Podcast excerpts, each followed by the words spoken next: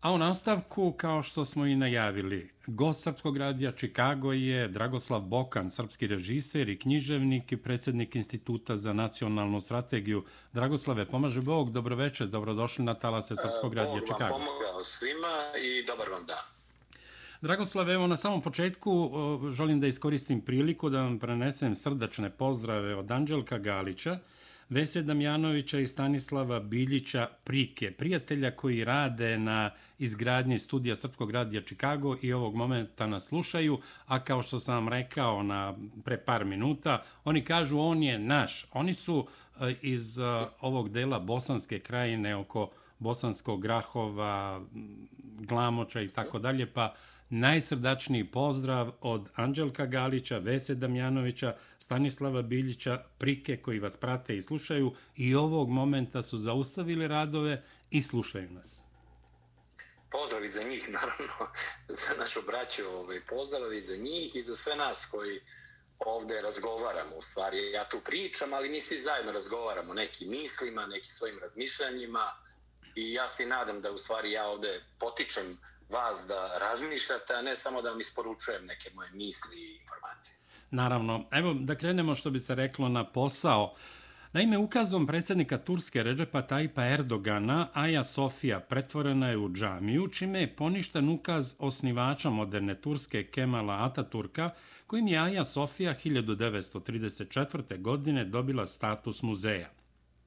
Ovo je važan korak, ako kažu, na putu neo-osmanske, oprostite, teorije i projekta Ređepa Tajpa Erdogana vraćanja turskog društva striktnijem pridržavanju islamskih vrednosti. Da li ovo, ovo je pitanje naravno za vas, da li ovo opomena za hrišćane, a posebno Srbe, imajući u vidu situaciju u Crnoj Gori sa Srpskom pravoslavnom crkvom, ali i na Kosovu i Metohiji? Izvolite. Pa ja mislim pre svega da je taj događaj mnogo viši i veći od eh, te regionalne primene, da je to globalni događaj.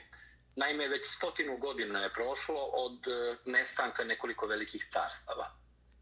Znači, Austro-Ugarskog, Nemačkog, Ruskog, a, Turskog carstva, a krajem, to je na kraju Prvog svjetskog rata. I e, kao deo te riče je tu i ono što se događalo sa Turskom neposredno nakon Prvog svjetskog rata i sve do skoro. I sad se ponovo nalazimo u nekoj novoj geopolitičkoj slagalici u kojoj se ponovo uspravljaju carstva. Jedno od njih je Rusko, drugo je Kinesko, evo sad se pojavljuje Tursko carstvo, jer očigledno je da e, Erdogan želi ponovo da vrati titulu sultana i da samim tim eh, podigne eh, zemlju koju vodi, da podigne na nivo srednjovekovnog carstva i onog značaja, makar simbolički, onog značaja koje je Turska imala vekovima kao glavni neprijatelj Evrope i kao jedan od najvećih sila svih vremena. Eh, znači, period truljenja Turske, njenog pretvaranja u sekularnu državu koja ne pripada ni Evropi, ni Aziji, sad Erdogan pokušava da preobrazi u varijantu koja pripada i Evropi i Aziji kao jedan od svetskih činilaca, bar kako on to želi da predstavi. Tako da s te strane, to što on radi nema toliko veze sa verom i nema toliko veze sa usponom islama. Ima, ali sekundarno, primarno je to obnova carstva, obnova E, ideje sultana.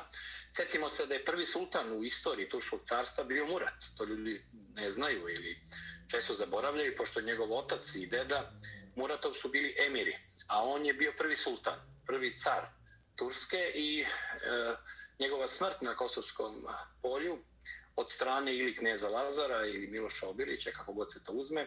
U svakom slučaju mi smo porazili i uspeli da na bojištu ubijemo jednog turskog cara i to prvog po redu i to jedinog, jedan nije drugi koliko se ja sačam vekovima nakon toga stradao na bojnom polju. Evo sad, toliko vekova nakon toga, imamo ponovu obnovu opet jednog e, prvog, novokomponovanog u 21. veku i 3. milenijumu, cara u pokušaju Erdogana i vidjet ćemo sad kako će međunarodne okolnosti da se odnose prema njemu i njegovom pokušaju te vrste vladavine koje ne liči na demokratiju, bar onu koja je uspostavljena i izvežena iz Amerike posle svjetskog rata, nešto novo se dešava, nova geopolitička slagalica, novi centri multipolarni moći u svetu i jedan od velikih izazova svega toga je i taj neobični e, vladar e, Erdogan. Gospodine Bokan, e, kad sam rekao reprekusije ili posljedice po situaciju u Crnoj Gori kada je u pitanju Srpska pravoslavna crkva, citirao bi kratko samo Stojana Cerovića, crnogorskog publicistu, koji kaže da se Srpska pravoslavna crkva mora iseliti iz Crne Gore. Verovatno imajući u vidu i ono što je urađeno sa Aja Sofijom, imam džamije Sultanija u Plavu, koji je funkcioner bošnjačke stranke koja je u koaliciji sa strankom Mila Đukanovića, Sead Jasović, objavio je fotografiju crkve i napisao Ako neće da je uklone, mogla bi se pretvoriti u džamiju. Pa, složenije je to priča nego što izgleda na prvi pogled, pošto kao što Milo Đukanović u sebe ima neke e, islamske duhovnike i lidere, e, tako i srpska strana u sebe protiv Mila Đukanovića ima čitav niz muslimanskih e, tako političara, značajnih e, imama, tako da stvari nisu tako jednostavne pošto Milo Đukanović stvari ne postavlja na verski nivo, nego postavlja na nivo apsolutnog sekularnog sistema u kome on doživljava čitavu Crnu Goru kao jedan veliki tržni centar ili magacin ili njivu u kojem radi šta god hoće i čini šta poželi. To je nešto što mu nisu odobrili čak ni rimski papa, na čiju podršku je on računao. Nisu mu odobrili ni protestantski lideri Eh, Evropske, iz Europske unije i nisu mu odobrili ni mnogi, eh, mnoge verske vođe muslimanske, islamske, ni iz tog kraja, ni iz regije. Tako da sa te strane, kad je reč o muslimanima, imamo podeljenu eh, podeljenu sferu, da jedni koji su antisrpski orijentisani, oni su uz njega, a drugi koji ne žele da tako, taka vrsta sekularnog ismevanja svake vere i svake religioznosti da pobedi i da drži tu apsolutnu vlast već decenijama u Crnoj Gori i oni će se, neki od eh, takvih muslimana će se priključiti Srbima i svima onima koji će se usmeriti protiv te vrste despotizma Mila Đukanovića. Jer Milo Đukanović nije čovek koji protiv sebe ima samo pravoslavne Srbe, on protiv sebe ima i deo svojih eh, doskorašnjih eh, saradnika i saveznika, on protiv sebe ima i ljude koji su nezadovoljni njegovom vladavinom, iako nisu orijentisani prosrpski. Ima tu ljudi koji su i za NATO pakt eh, u kome se već nalazi Crna Gora, ali nisu za Mila Đukanovića kao jednog zastarelog vladara iz 20. veka sa mnogim metodama vladanja koje više posjećaju na komunizam i na vreme, ne znam, Fadilja Hođe ili uh, Honekera ili svih tih uh, komunističkih vladara i oni jednostavno žele da ga sklone. Tako da je ovdje važno da se sve te silnice ujedine u sklanjanje nekoga ko je više kriminalac nego političar, čiji odnos prema bilo koje veri, ne samo pravoslavnoj, ima u sebi jedan trgovačko, aukcijsko, cinični odnos i ako se budemo stvarno svi ujedinili koji mislimo da je njegovo vreme prošlo i da treba da se uspostavi neka, neki novi početak e, istorije Crne Gore, pa da onda vremeno vidimo šta može da se uradi. Sigurno je da stvari ne mogu u tom jednom danu da se završe ili da se vrate u vreme Njegoša ili Svetog Petra Cetinskog, nego je sad početak svih početaka je da se ta hidra, ta hobotnica mafijaška, ta apsolutna svevlast skloni i da to postane država koja ima politiku, koja ima politički život i gde ljudi mogu da se bore, da dođu na vlast, da napreduju, da dolaze, da postaju poslanici, prestaju da budu poslanici, a ne da to bude jedna, jedna, jedna pozorišna igra u kojoj se uvek zna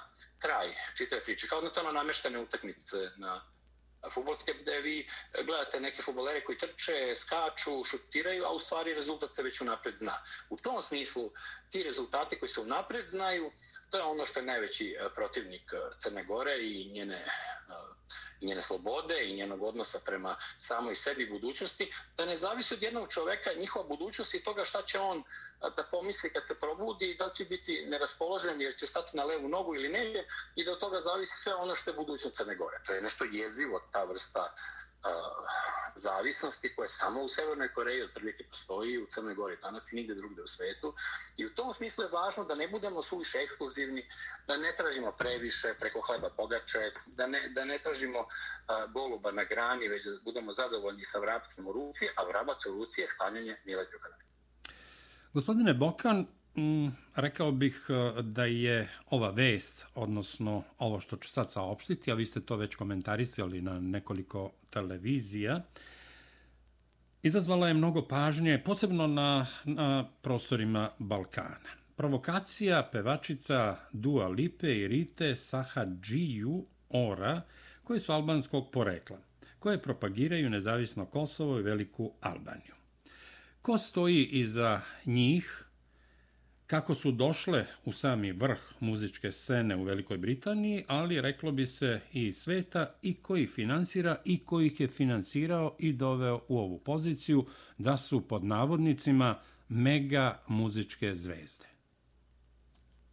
Pa pre svega da se setimo da mi ne živimo u 19. veku gde je politika bila jedan ozbiljan posao ljudi u frakovima koji se sastaju e, na nekim mestima i se sklapaju mirovni sporazumi, a onda se to sprovodi u delo. Mi živimo u vremenu pop kulture i u vremenu popuno drugačijih modela marketinškog delovanja u politici, u, koje, u vremenu u kome još od Vjetnamskog rata na ovamo uloga zabavljača, značajnih ličnosti i takozvanih celebrity uh, ličnosti je ono što često pomaže da se neke stvari izvedu, dovrše, organizuju. I vrlo je važno ko od najpoznatijih ljudi na svetu, pevača, glumaca, sportista, pripada kom narodu, jer ti narodi odjednom dobiju neke neobične poene. Ono što je interesantno kod Rite Ore ili Rite Sahatčiju Ore, ovaj, i kod eh, Due Lipe i još kod 4-5 eh, pevačica sličnih generacija. To su eh, pevačice koje imaju između, ne znam,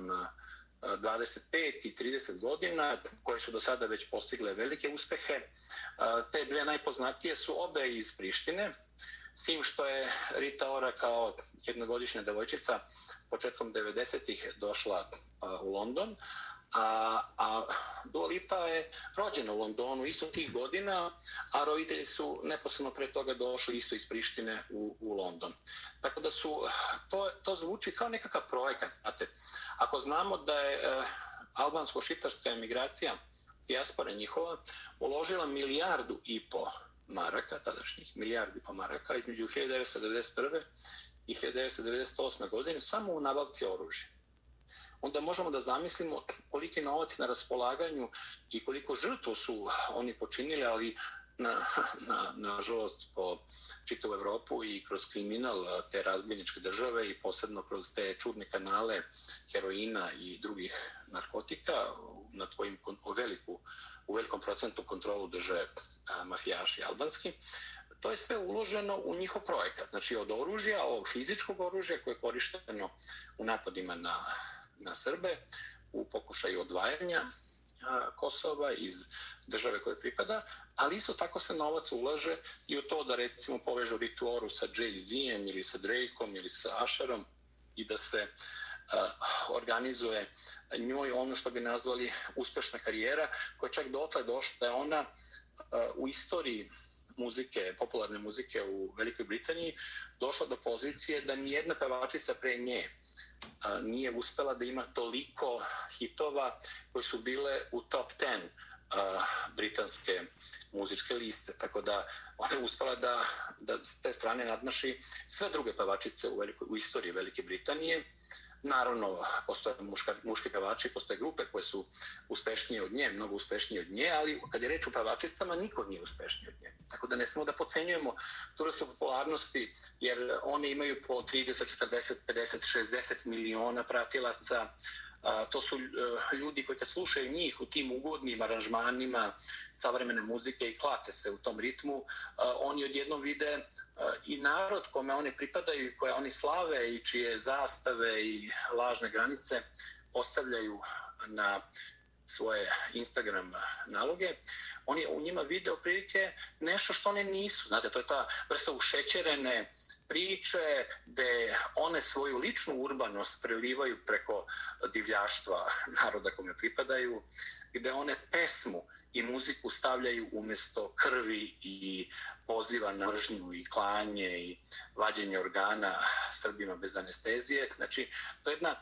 velika prevara, jedan pokušaj da se pokrije uh, zlikovačko ponašanje kako nije zabeleženo u modernoj istoriji čitavog sveta, a posebno Evrope, da se to prekrije tom lepom pričom o dve talentovane, čarmantne, uh, English speaking uh, ličnosti koje su odrasle, ne znam, Rita Ore odrasla u onom čuvanom Portobello Roadu tamo u, ovaj, na Notting Hillu, uh, ova uh, je odrasla u uh, Westminsteru, znači to su osobe sa kojima mogu da se poistovete mladi Britanci ili mladi Evropljani i onda one nastupaju sa idejom da su Srbi neki zaostali primitivni pećinci koji još od vremena Miloševića unose tobože fašističke metode i misle da će oružjem sve da reše, a one pripadaju jednom otvorenom narodu koji se bori za slobodu, koji je žrtva, e, naša žrtva već vekovima i bla bla bla i bla bla bla i to je jedan mehanizam koji funkcioniše. Mi moramo da se borimo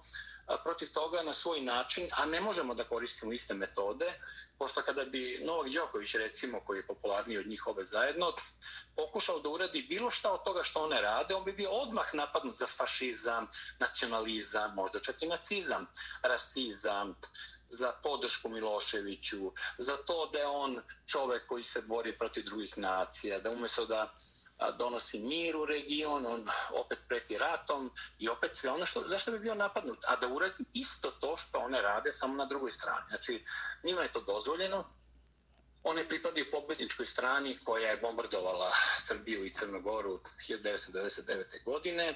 Još uvek ta pobeda traje, samo što ovog puta, Bogu hvala, tinja, a ranije bila rasponsala.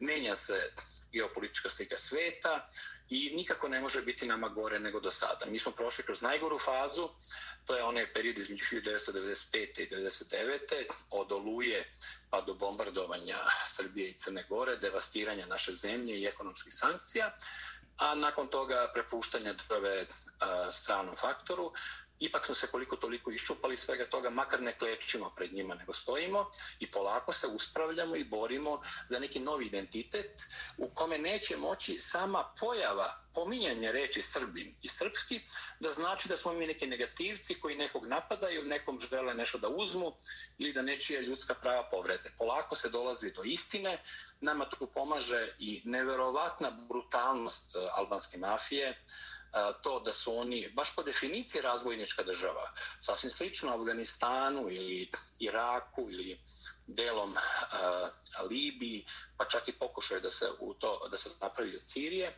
To su razvojničke države koje kod kojih se recimo protok narkotika povećava 10, 20, 50 puta nego pre toga i s te strane ta nevjerovatno unosna trgovina, uh, reći o stotinama milijardi dolara, ona se deli između moćnih obaveštenih zajednica i lokalne mafije po nekom čudnom, nevidljivom tajnom planu koji naravno ne ulazi u, ni u plaćanje poreza, ni on, on, on, javnu priču koju mi možemo da čitamo u novinama. Tako da sve strane ta vrsta razminičke države koja je ulagala ogroman novac u to, koja ima Hašima Tačija kao čoveka koga su primali evropski i svetski lideri kao političara, a koji u to vreme protiv sebe ima ozbiljne argumentovne optužbe da je silovao malu decu i šiptarsku i srpsku da je silovao neveste pred roditeljima, da su sekli glave i kuvali u pasulj sa tim glavama tih nesečnika, da su naživo bez anestezije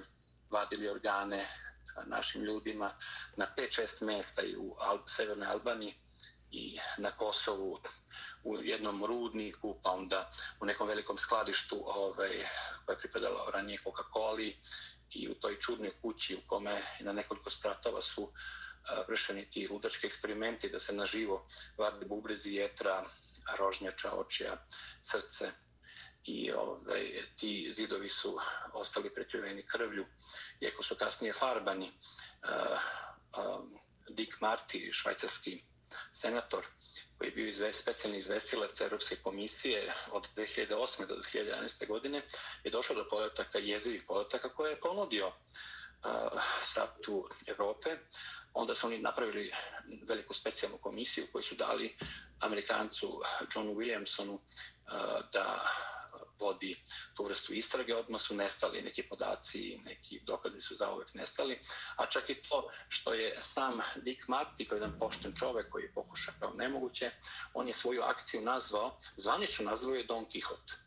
To najbolje govori o tome uh, koliko su jake sile bile usmene protiv toga.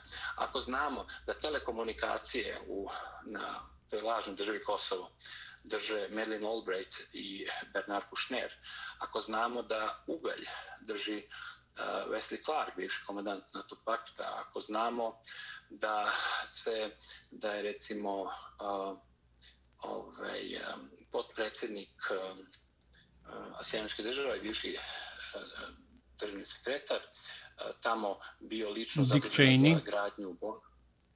Dick Cheney? Dick Cheney, da, Dick Cheney, jeste Dick Cheney. Bio je zadužen za, uh, on i njegova firma, za gradnju Bond stila. Ako mi vidimo da su oni umešani na svakom nivou, konkretno, da su oni raspačali uh, tu lažnu razvojničku veštačku zemlju koja je napravljena da bi oni grabežljivo eh, i iscedili iz nje sve što mogu, a u dilu sa pravim mafijašima, poput Tačija, koga su e, evropski političari primali kao sebi ravnopravnog sagovornika i stavljali ga čak na proslavi stogodišnjice e, završetka Prvog svjetskog rata na specijalno mesto na Bini, iako nije, nikad, nije postojala nikakva posebna njegova zemlja u vreme Prvog svjetskog rata, a srpski predsjednik je stavljen tamo negde sa strane u dno reda, to najbolje govori o toj bezočnosti, da je nova međunarodna politika ne samo da zatvara oči pred zločinima i pred e, nelegalnim novcem, već i deli taj novac, učestvuje u tome. Postoje podaci da je Nemačka obještena služba utvrdila da je ovaj, Marti Ahtisari kao specijalni ovaj, izvestila Sjedinjih nacija na Kosovu, da je on primio, tačno se zna koliko miliona dolara na račune razne, da je primio i novac u kešu i na mislim to je stvarno jedna jeziva priča koja više liči na neki mafijaški film ili neku seriju o korumpiranim političarima nego na ono što pokušava da bude međunarodna politika. To vreme je prošlo, nas više nikad niko neće moći da bombarduje, jer situacija u svetu nije više kao što je bila pre 20 godina. Sa te strane se Srbija uspravlja, naša vojska je ponovo postala ne samo opremljena, nego je postala moralno jaka, postala je nacionalno svesna, postala je verski određena, postoje sveštenici, ne samo pravoslavni, nego Ono, zavisno od toga koji su vojnici, koje su vojnici veroispovesti naši u srpskoj vojsci. Oni su tamo uz njih, e, ide se u crkvu, na liturgiju, osveštavaju se zastave. Sad skoro je osveštana zastava, to je dve zastave najznačajnijih naših e, vojnih jedinica, specijalnih, 60, 63. padobranske i 72. koji su ponovo vraćene u, na status brigade, a bile su, nažalost, 50. godina sam bataljoni, ponovno su podignute i njihovi komandanti su u manastiru osveštali te zastave, a onda su ih podigli kod takova na ceti, baš na mestu gde je izbio drugi srpski ustanak, da bi se time još jače potvrdila ta simbolika osveštanih zastava. Na kapama 63. Dobranske i 72. je ponovo postavljen studenički krst, je najlepši i najstariji naš simbol i to više nije ona vojska koja je u vreme Tita ili nakon Tita, u vreme Miloševića ili posle 5. oktobra se snalazila u nekoj čudnoj magli gdje nije znala ni odakle ide ni gde ide. To je sad srpska vojska.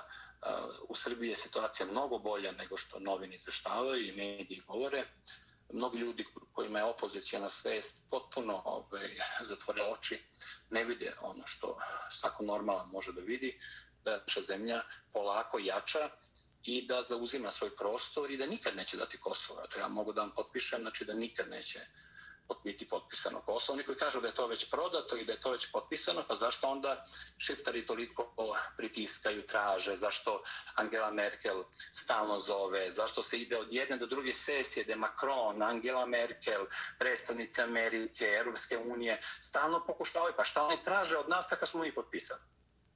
Da. Znači, to je jedna užasna laž, užasna laž, jeziva laž na kojoj se zasniva ludačka pozicija da se može desiti da se pritisak na našu državu vrši preko nacionalista koji svojom pobunom pomažu one koji hoće da nam uzmu Kosovo, da time upozoravaju i vrše pritisak na, na državu, vojsku i, ove, ovaj, i vladu. Pa to je jezivo, taj obrt u priči. Znači, mi držimo priču. Jedno što postoje izjave političke koje, kao i uvek sami znate u trgovini, recimo, kad biste vi citirali šta je ko rekao u procesu prodaje nečega ili zaštite nečega ili pokušaja se nešto ne proda, svejedno, vi ćete vidjeti koliko tu ima reči koje, koje, koje nemaju nikakav značaj sem da se izgovore i da se time kupi vreme i da se sačeka neka bolja pozicija. Tako da, da s strane, meni je, ja sam, ja pred dve, godine nisam mogao da ni da pretpostavim šta će biti, ali sada, posle toliko godina i posle takvog jačanja drugih zemalja, to što mi nismo i dalje u NATO-u, to što mi nismo uveli sankcije Rusiji, to što mi nismo priznali, ne daj Bože, da je izvršen a, genocid u Srebrenici, a, to što i dalje postoji ovaj, a, ruski centar u Nišu i to što nismo uh, priznali Kosovo u jedinim nacijama, to su sve stvari koje, za razliku od svih ostalih zemalja na Balkanu,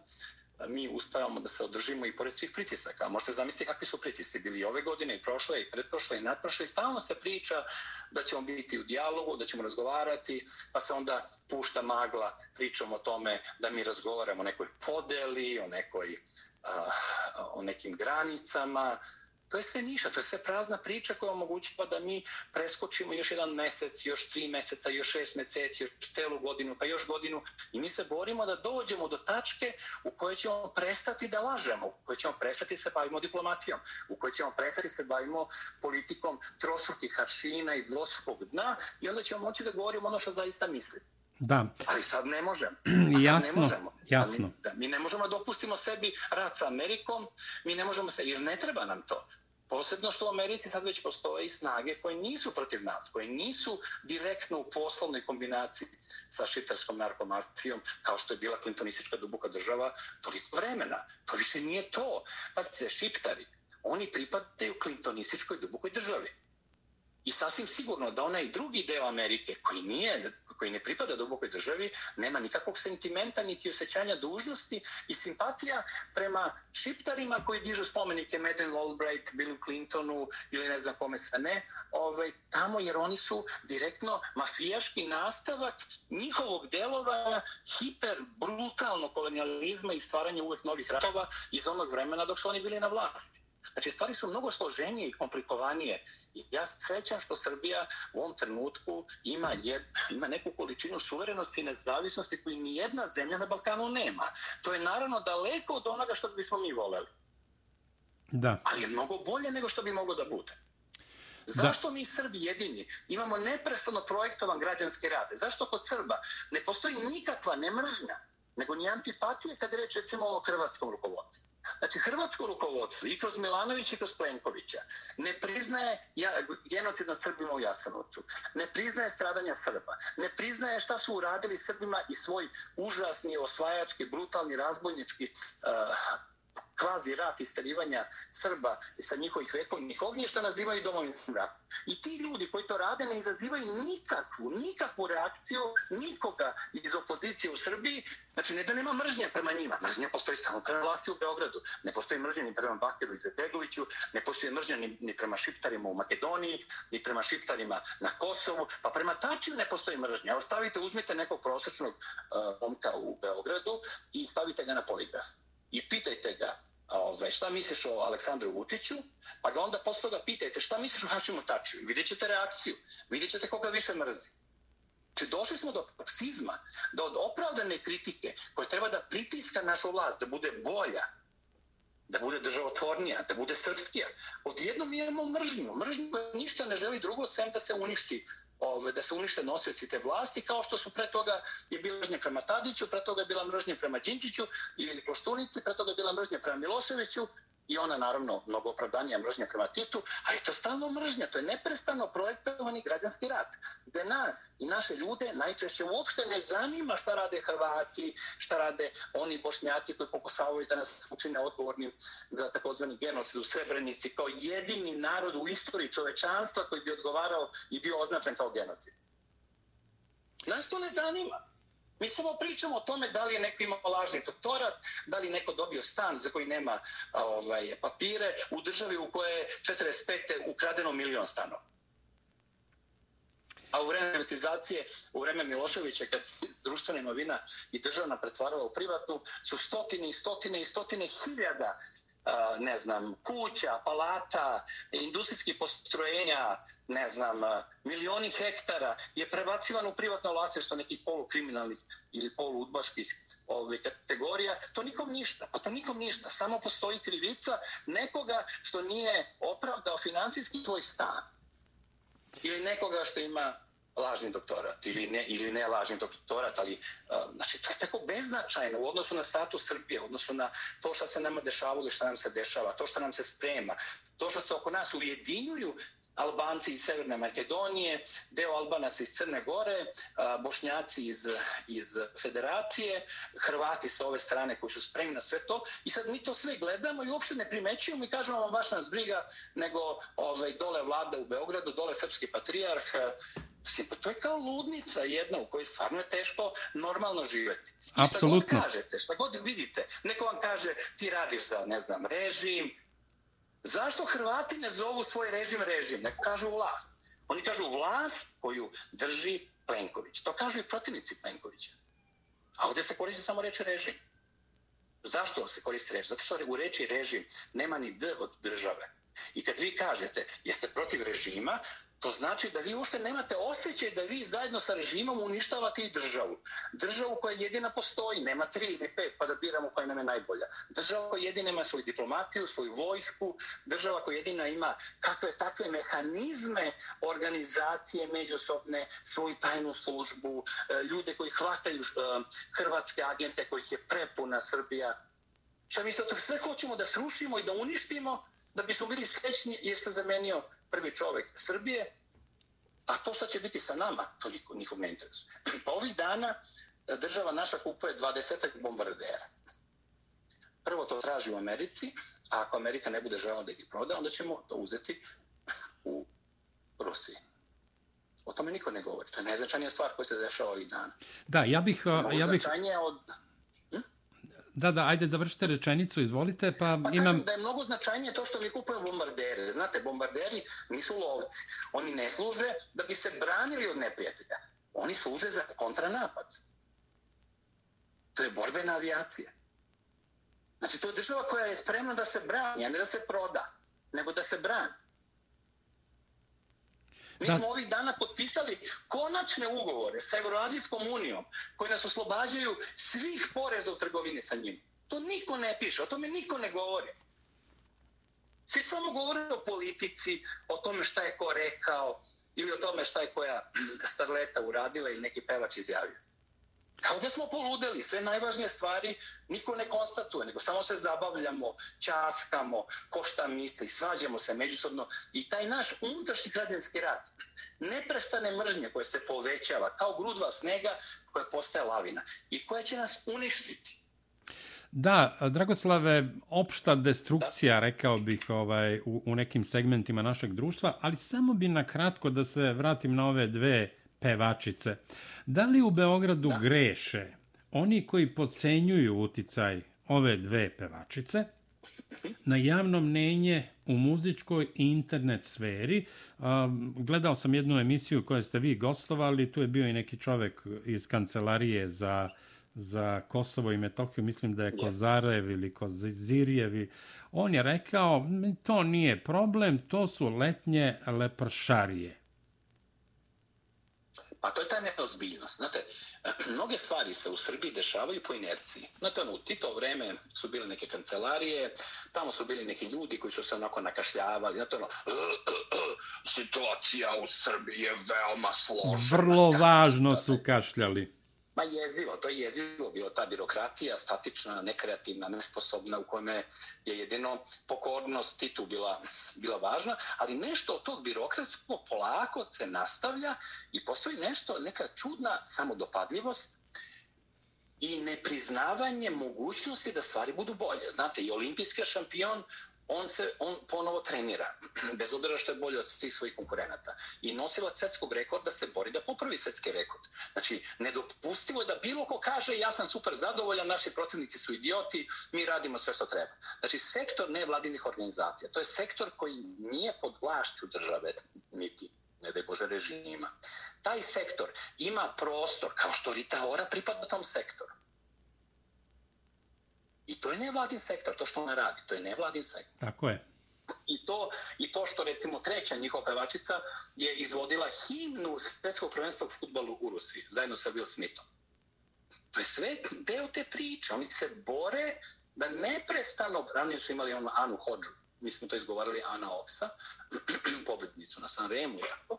Znači, oni uvijek imaju po nekoga koga graje i kome daju da izjavljuje ono što njihova politička elita želi da se kaže.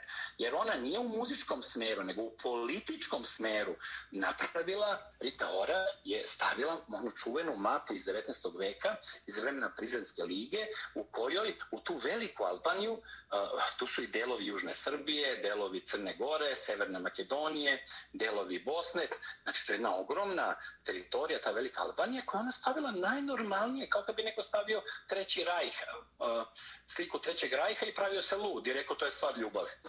Ljubavi prema čemu?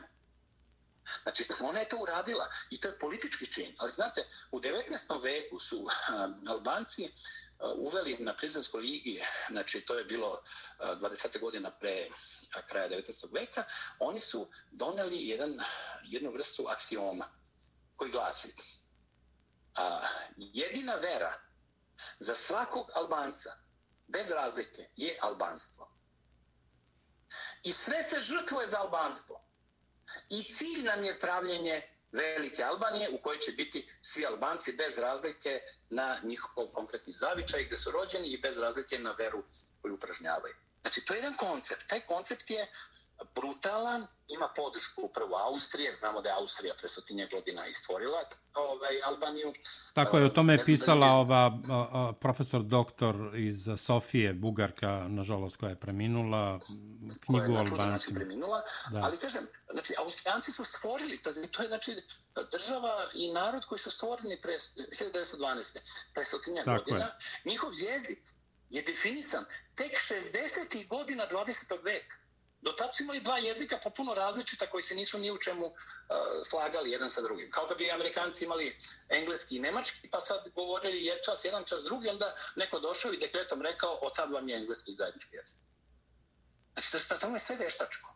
A znate što to znači? Ako je to sve veštačko, to znači da uvek iza toga stoji neki veliki marketing. Ranije se to zvalo propaganda, sad se zove marketing.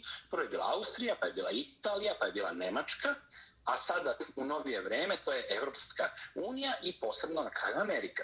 Znači, to je naravno ne Amerika kao narod ili Amerika kao država, već duboka država koja radi protiv interesa američkog naroda i protiv interesa Amerike, ali Bogu hvala, sad se to polako smanjuje, ali oni su, znači, proizvod propagande, proizvod marketinga. I kod njih je sve veštačko. Zato je kod njih ratni zločinac koji ubija ljude, malu decu, e, siluje žene, on je njihov predsednik. I zato je to sve povezano kod njih. I ekonomija, i mafija, i narkotrafiking, i e, politika, i muzika, i ne znam, sport. Sve se vezuje, sve je upetljeno u jedan nerazrušivi čvor. I tako je bilo do sada. Sad ćemo da vidimo šta će biti. Puno zavisi od nas. Znači, kad je reč o vojsci, vojska jača. Kad je reč o državi, država jača, sporije nego što bi mi volali, ali jača.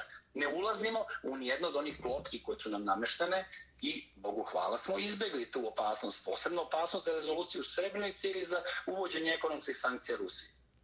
To ne znači da mi ne treba da imamo dobre odnose sa Zapadom. To samo znači da mi ne treba da imamo dobre odnose sa svojim ucenjivačima. A onog trenutka kada Zapad prestane se ponaša ucenjivački, mi ćemo najnormalnije da sarađujemo sa Zapadom. Mislim, ne mora Zapad da bude na našoj strani na način na koji je na šiftarskoj strani. Ali makar da ne bude uslov svih uslova da bi uopšte razgovarali sa nama da mi priznamo šiptarsko Kosovo u Ujedinjenim nacija. Pa to je nemoguće. Pa na koji način? Kakav je to dijalog? Ko dođe razbojnik u tvoju kuću kaže daj mi da ti uzmem kuću, onda ćemo da razgovaramo. Pa sve, mislim, ti si razbojnik, izađi napolje. Mislim, daj da se dogovaramo, hoćeš da kupiš nešto, hoćeš da učestvuješ s nama, hoćeš da nam pomogneš uh, na nekom trećem nivou, da vidimo šta je pravetno. Do sada je bilo samo preki sud. Znate, problem sa prekim sudom je što tamo nema druge presude, sem smrtne. Isto nema uh, apelacije, nema žalbe u na prekom sudu. Do sad je tamo bio preki sud. Bilo je divljaštvo, pravo divljaštvo, izumiranje i uh, genocid na Srbima. Uh, kažu, stručnici kažu da je imovina srpska u vrednosti od 220 milijardi evra na Kosovu. Srpska imovina. I što sad mi pričamo? I, a oni koji govore o pravdi, ljudskim pravima, vladavini prava, o unošenju standarda e, Europske unije, oni puštaju do 220 milijardi srpske bude oteto razbojnički najnormalnije, a sa onima koji su otali, oni ne razgovaraju kao sa političarima. I sada imamo Tačija u Hagu.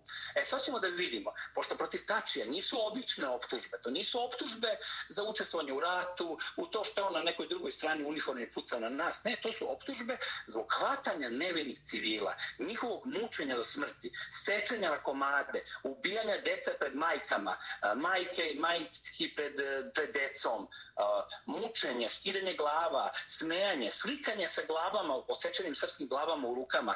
To su jezive stvari. I čovek koji stoji na celu svega toga, to je dokazano sa hiljadama dokaza, fotografija, izjava, izjava čak i samih šiptara koji su učestvovali u takozvanoj slobodoračkoj vojsci Kosova i koji su se okrenuli na drugu stranu i hoće da svedoče istinu. I njih ubije, ubija ekipa Harabina je Atačka, ali se ubijaju te ljude. Ali opet poneki preostane živ i želi da svedoči protiv njih. Ali sud ne želi da sluša ta svedočanstva.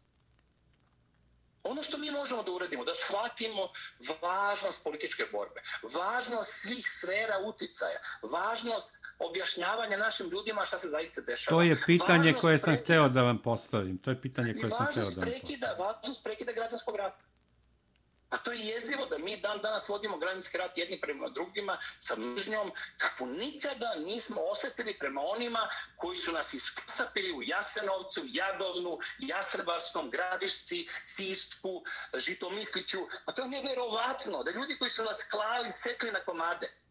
Nikakva mržnja prema njima ne postoji. Čak ni neprijateljstvo, čak ni nepoverenje. Nego samo prema Beogradu. Ljudi koji žele da gledaju kako gori skupština kako gori skupština. I to, to su njihovi snovi. Samo to. Pa šta mislite šta Hrvati govore o tome i misle o tome? Šta zvanično Sarajevo misle o tome? Šta albanski mediji u Makedoniji govore o tome? Pa ja čitam za stano. Evo sad sam malo pričitao uh, čitao veliki tekst koji je izašao u Hrvatskom globusu. Ovaj, zove se Građani Srbije su ustali. Naravno, na strani takozvane građana Srbije piše Iva Badanjak gde daje podršku uh, u Beogradu i želi da se uništi vlast u Beogradu. Pa šta misle zbog čega? Zbog ljudskih prava? Da bi mi sačuvali Kosovo? Je to želja Hrvatska? Nevrovatno, naši ljudi su kao Pinokio, kao Kalimero, kao Disney junaci, Dumbo, ne znam, patuljci mali, haj ho, haj ho, vraćamo se iz rudnika, mi pevamo kao ludaci. Ja stvarno neki put mislim da smo mi normalni. To je neki put zastrašujuće, a posebno kad živite ovdje. Da, ponekad ima neko oštećenje, ali hteo sam da vas pitam s tim u vezi koliko Srbija zna e. ili ne zna da iskoristi potencijale u podnavodnicima nevladinim ili alternativnim patriotskim organizacijama ili sektoru, posebno u rasejanju. Takozvano meko lobiranje i propaganda i šta u vezi s tim predlažete? Pazite, sve na opačke. Naša država još uvijek ne stoji na svojim nogama. Ona još uvijek ustaje klečala na kukuruzu od 5. oktobra 2000. pa godinama nakon toga neprestano smo se pravdali da nismo mi zločinci, da nismo samo mi krivi, da možda jesmo krivi, ali da nismo samo mi krivi. Kako neprestano pravdanje, kukanje, topljenje tenkova, uništavanje oružja, penzionisanje svih oficira koji su bili na ratištu. To se sve dešavalo početkom 2000-ih? Sve je to stalo. Mi sad imamo nekoliko patriotskih generala koji su ravni generalu Živkoviću, Gvozdenom, uh, Vojvodi Stepi Stepanoviću, Živojnu Mišiću. Imamo takav soj ljudi Imamo generala tog Simovića, komandanta kopnenih snaga, koji ima centar u Nišu, koji će prvi da se suprostavi u slučaju napada što hrvatskog, što bošnjačkog i šiptarskog. On je čovek koji ima prelepa scena, možete na YouTube-u da gledate, gde on peva Četnički se barjak vije, staru komičku pesmu s početka 20. veka, peva on na prvo prelet način, na drugo vidi se sa srce. On je čovek uveo pozdrav, služimo Srbiji, umjesto onog glupo komunističkog služimo narodu. Stvari se menjaju, stavio taj sudanički krst na, na, ovaj, na, na svoju beretku. I to niko ne primećuje, niko o tome ne piše i ne govori. Jer ljudima ne odgovara da se kaže da postoje dobre, plemenite, rodoljubive stvari ovdje u Srbiji među nama. Kao onom jednom prilikom kad sam nabrajao koliko ima mladih doktora nauka koji su srbi, nacionalisti, patrioti, rodoljubi, a koji nikad nije postojao toliki broj srpskih eh, naučnika, mladih, obrazovanih u svetu i koji drže eh, srpsku istorijsku nauku sad u svojim rukama i vraćaju svest mladima. Naravno, postoje jezivi primjeri eh, protivnika i izdajnika i nastavljača tog titovističkog te bagre titoističke koja e, zauzime dan danas na fakultetu većinu mesta. Ali se polako stvara otpor, unutrašnji otpor. Država, da počnem sa vašim pitanjem i da odgovorim na njega, ne može da uradi to što vi pitate. Državi mora da se obrnuto. Mi moramo da, da radimo stvari koje će državu da prenu, probude i ojačaju, da ona može da nam se priključi onome što mi radimo. Pa više ja mogu da uradim samo da imam uslove za to, nego država, koja mora da angažuje ministra, državnog sektara, da postavi tender. To naravno strane organizacije gleda. Imate čitave spratove sa stranim službama koji prate svaki korak, koji stalno podmeću klipove u točkove, koji zbog jedne formalne sitnice obaraju konkurse. Znači sve se radi da se uništi srpstvo, rodoljublje, entuzijazam, patriotizam, vera, talenat, kreativnost, sposobnost mladih ljudi, ponovo probuđeno rodoljublje koje postoji u Srbima. Znači, ogromna većina mladih ljudi u Srbiji je apsolutno srpski orijentisana. Prvi put posle, ja mislim, 1912 ili 14. Da, Dragoslave, evo... Da, e, imat ćemo malu kratku pauzicu s obzirom da ćemo nastavak našeg intervjua čuti i slušat će se na YouTube kanalu, pa s tim u vezi evo Mala kratka pauza. Serbian Radio Chicago. YouTube kanal. Sve intervjue i specijalne priloge koje ste propustili u programu Srpskog radija Chicago možete slušati na našem YouTube kanalu. Podržite Srpski radio Chicago i kliknite na subscribe. Srpski radio Chicago. 25 godina sa vama. Serbian Radio Chicago. Ne pocenjujte koronavirus. Nosite zaštitne maske. Držite fizičku distancu. Pridržavajte se higijenskih mera. Perite ruke.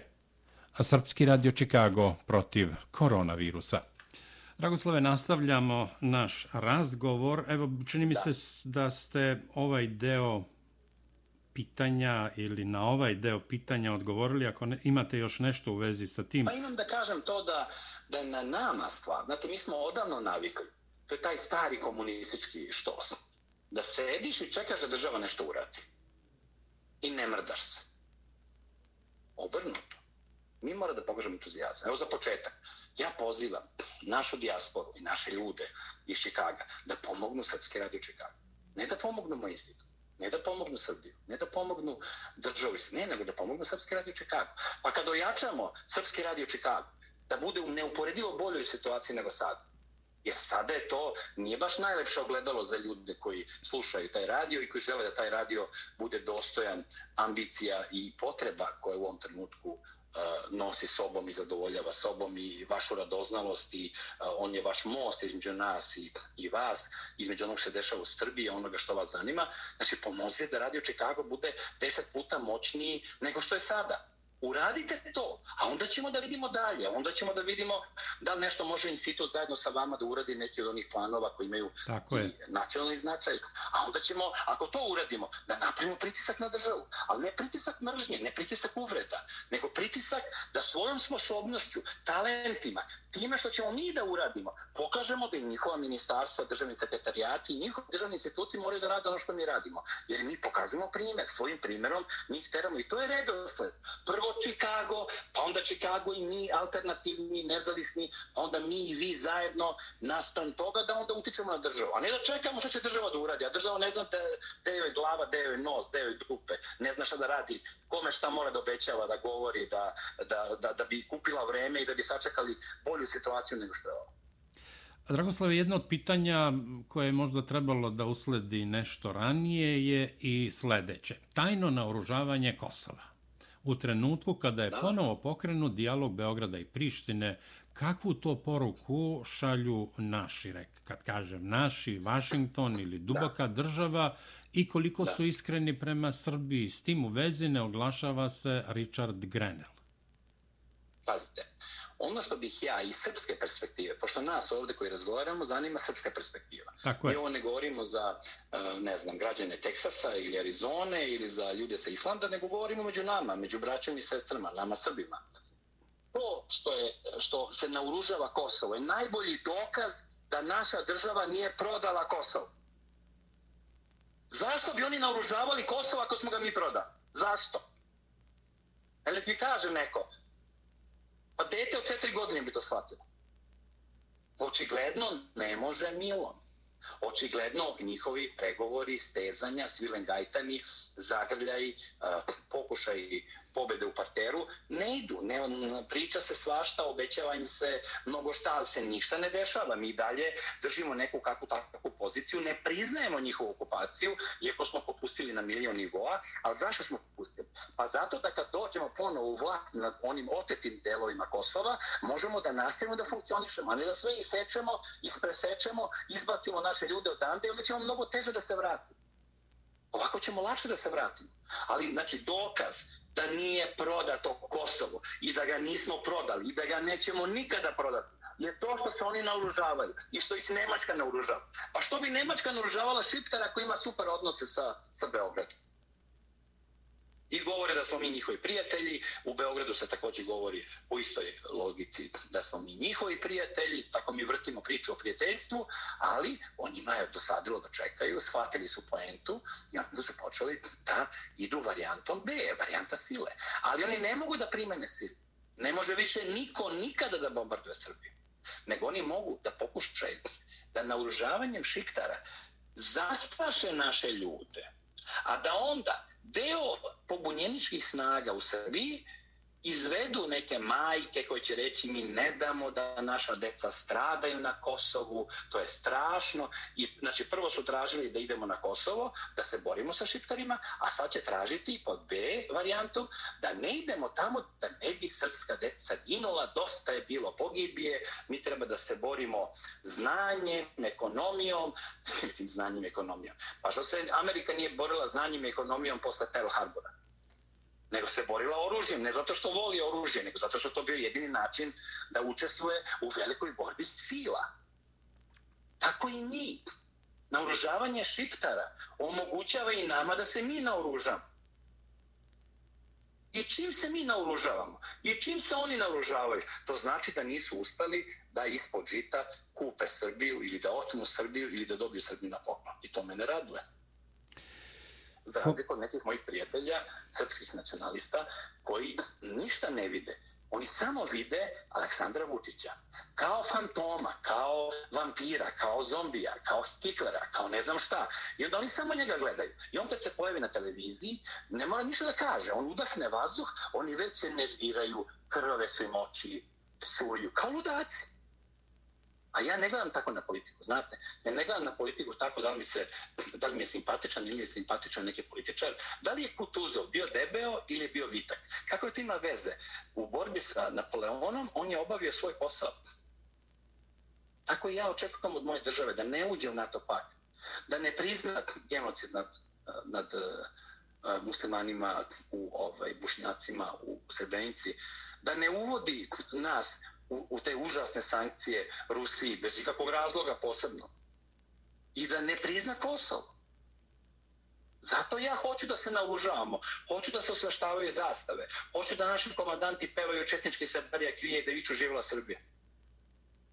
Nego mi nismo zadovoljni, kao ludnica, ja vam kažem, postoje ljudi koji su stvarno zalečeni kojima ništa ne znači, ni Srbija, ni položaj Srbije, ni geopolitika, ni... Oni samo imaju jednu mantru, ta mantra je da ne pominjamo ono čuvenu, čuvenu uvredu koja se stalno ovde vrti. Znači, peva se Horski, ono Vučiću pederu, i to se vrti, i samo to, pa to program. Je to srpski program? Pa zamislite da je Karadžođe izašao i da je vikao, e, ne znam, e, ono, dahije, pederi, si, to je sve tako smešno, jadno, bezvezno, i psovke, i nerviranje, i živciranje, i ljutnja međusobna, i mržnja između Srba i Srba, i poređenje da li je važniji e, ratnici iz Krajine, ili su važniji ratnici iz Republike Srpske, ili su važniji ratnici sa Košara, kao da mi nismo svi deo iste borbe, iste bitke protiv istih neprijatelja. Mi moramo da stišamo građanski rat, da smirimo ludačke partijske političke, večne predizborne strasti i snove da ćemo u jednom danu da promenimo 100 godina naših grešaka. Eto tako ne ide. Znate, kad imate saobraćaju nesreću, teško saobraćaju nesreću, a mi smo imali bar dve, ono iz 1918 sa Jugoslavijom, ono iz 45 s komunizmom. To su teške saobraćaju nesreće. Rehabilitacija traje decenijama. Ne može u jednom danu. Tako da mi sa strane moramo da budemo strpljivi, da budemo spremni da branimo svoju otržbinu, da damo podršku crkvi i vojsi. Ako damo podršku crkvi srpske pravoslavne i vojsci, onda smo mi narod. Ako ne damo podršku vojsci i crkvi, onda mi nismo narod. Onda smo rulja, masa, živalj. Onda smo neka gomila razuzdana Eh, od kojih svako priča svoju priču, svako ima svoju ludačku verziju, svako je nezadovoljan. Narod, odnos prema Bogu i crkvi, tradiciji, svetosrblju, prema vojsci, dužnosti, slavi, našim predsima, junaštvu, čojstvu. To, to je narod. Kad mi to pokažemo, onda smo narod. Kad budu vama u Radio Chicago pomogli ljudi koji ipak imaju neke stotine hiljada dolara, a moraju deo da daju vama ne 100 dolara, ne 500 dolara, nego deo svoje imovine treba da daju Radio Chicago, da bi glas srpstva odjeknuo i bio deo njihove prirode i deo njihovog sveta. Pa ako bi neko hteo da gradi zgradu u centru Chicago, mora bi da uloži milione. Ne bi mogu za 100 dolara dobiti zgradu u centru Chicago. A mediji, srpski, kao što Srpski radio Chicago, je važnije od zgrade u centru Chicago.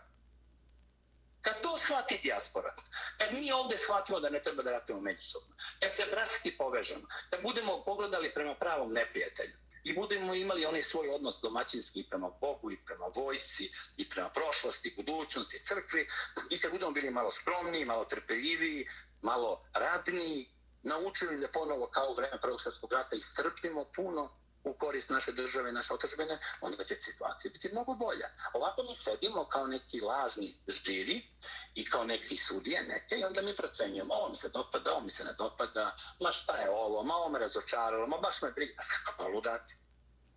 Srpstvo je naša dužnost. Dužnost kao albanstvo, koje je dužnost albanaca. Srpstvo je naša dužnost. Neki od nas tu dužnost ispunjavaju 24 sata dnevno, neki od, njak, neki od nas par sati, a neko uopšte. Dragoslave... To mora da se kaže. To mora da se kaže. Apsolutno se slažem. Eto. Hvala. To Evo, to je to. Prosto, prosto, ovaj, nedostaju reči na sve ovo što ste rekli, slažem se apsolutno i u svakom slučaju hvala vam što ste bili gost Srpskog radija Chicago, hvala vam na, na vremenu koje ste izdvojili i promišljali na talasima Srpskog radija Chicago i zbogom, leko noć. Unapred, unapred hvala svakom onom našem slušalcu kod koga se probudi svest i savest osjećanje da pripada bratskom lancu koji ide od Svetog Save, Stefana, kralja prvenčanog njegovih boraca, pa onda boraca kralja Milutina, pa boraca Svetog Stefana Dečanskog, pa Lazara, pa despota Stefana Lazarevića, pa kroz sve one borbe preko Prvog svjetskog rata, junaka, pre toga Sinđilića, Hajduk Veljka, junaka i srpsko-turskih ratova, pa do, do heroja Draže Mihajlovića drugog svjetskog rata i do danas. I do danas, preko borbi koje smo imali u Republike Srpskoj, pa mi smo krvlju svojom zaslužili od branili Republiku Srpsku. Nije nam niko poklonio. Uprko svim namera međunarodnim. Znači, ko bude našao u sebi snagu da bude deo nas, da bude deo otačbine, da žrtvuje nešto, da žrtvuje nešto, kao kad idete da dajete krv u bolnicu ljudima kojima fali krv. Nama treba vaša briga, da vi brinete šta je sa institutom za nacionalnu strategiju. Jer taj institut se ne bavi Dragoslavom Bokan, on se bavi srpskim. A ja samo sam tu da poslužim. Tako da eto, ko bude god razumeo i nešto malo promenio na bolje, ja mu se klanjam do poda. Ja mogu samo da kažem onaj iskonski izraz da, da primenim na sve ovo što ste rekli. Amin. Amin Bože daj. Poštovani slušalci, gost Srpkog radija Čikago bio je Dragoslav Bokan, srpski režiser i književnik i predsjednik Instituta za nacionalnu strategiju.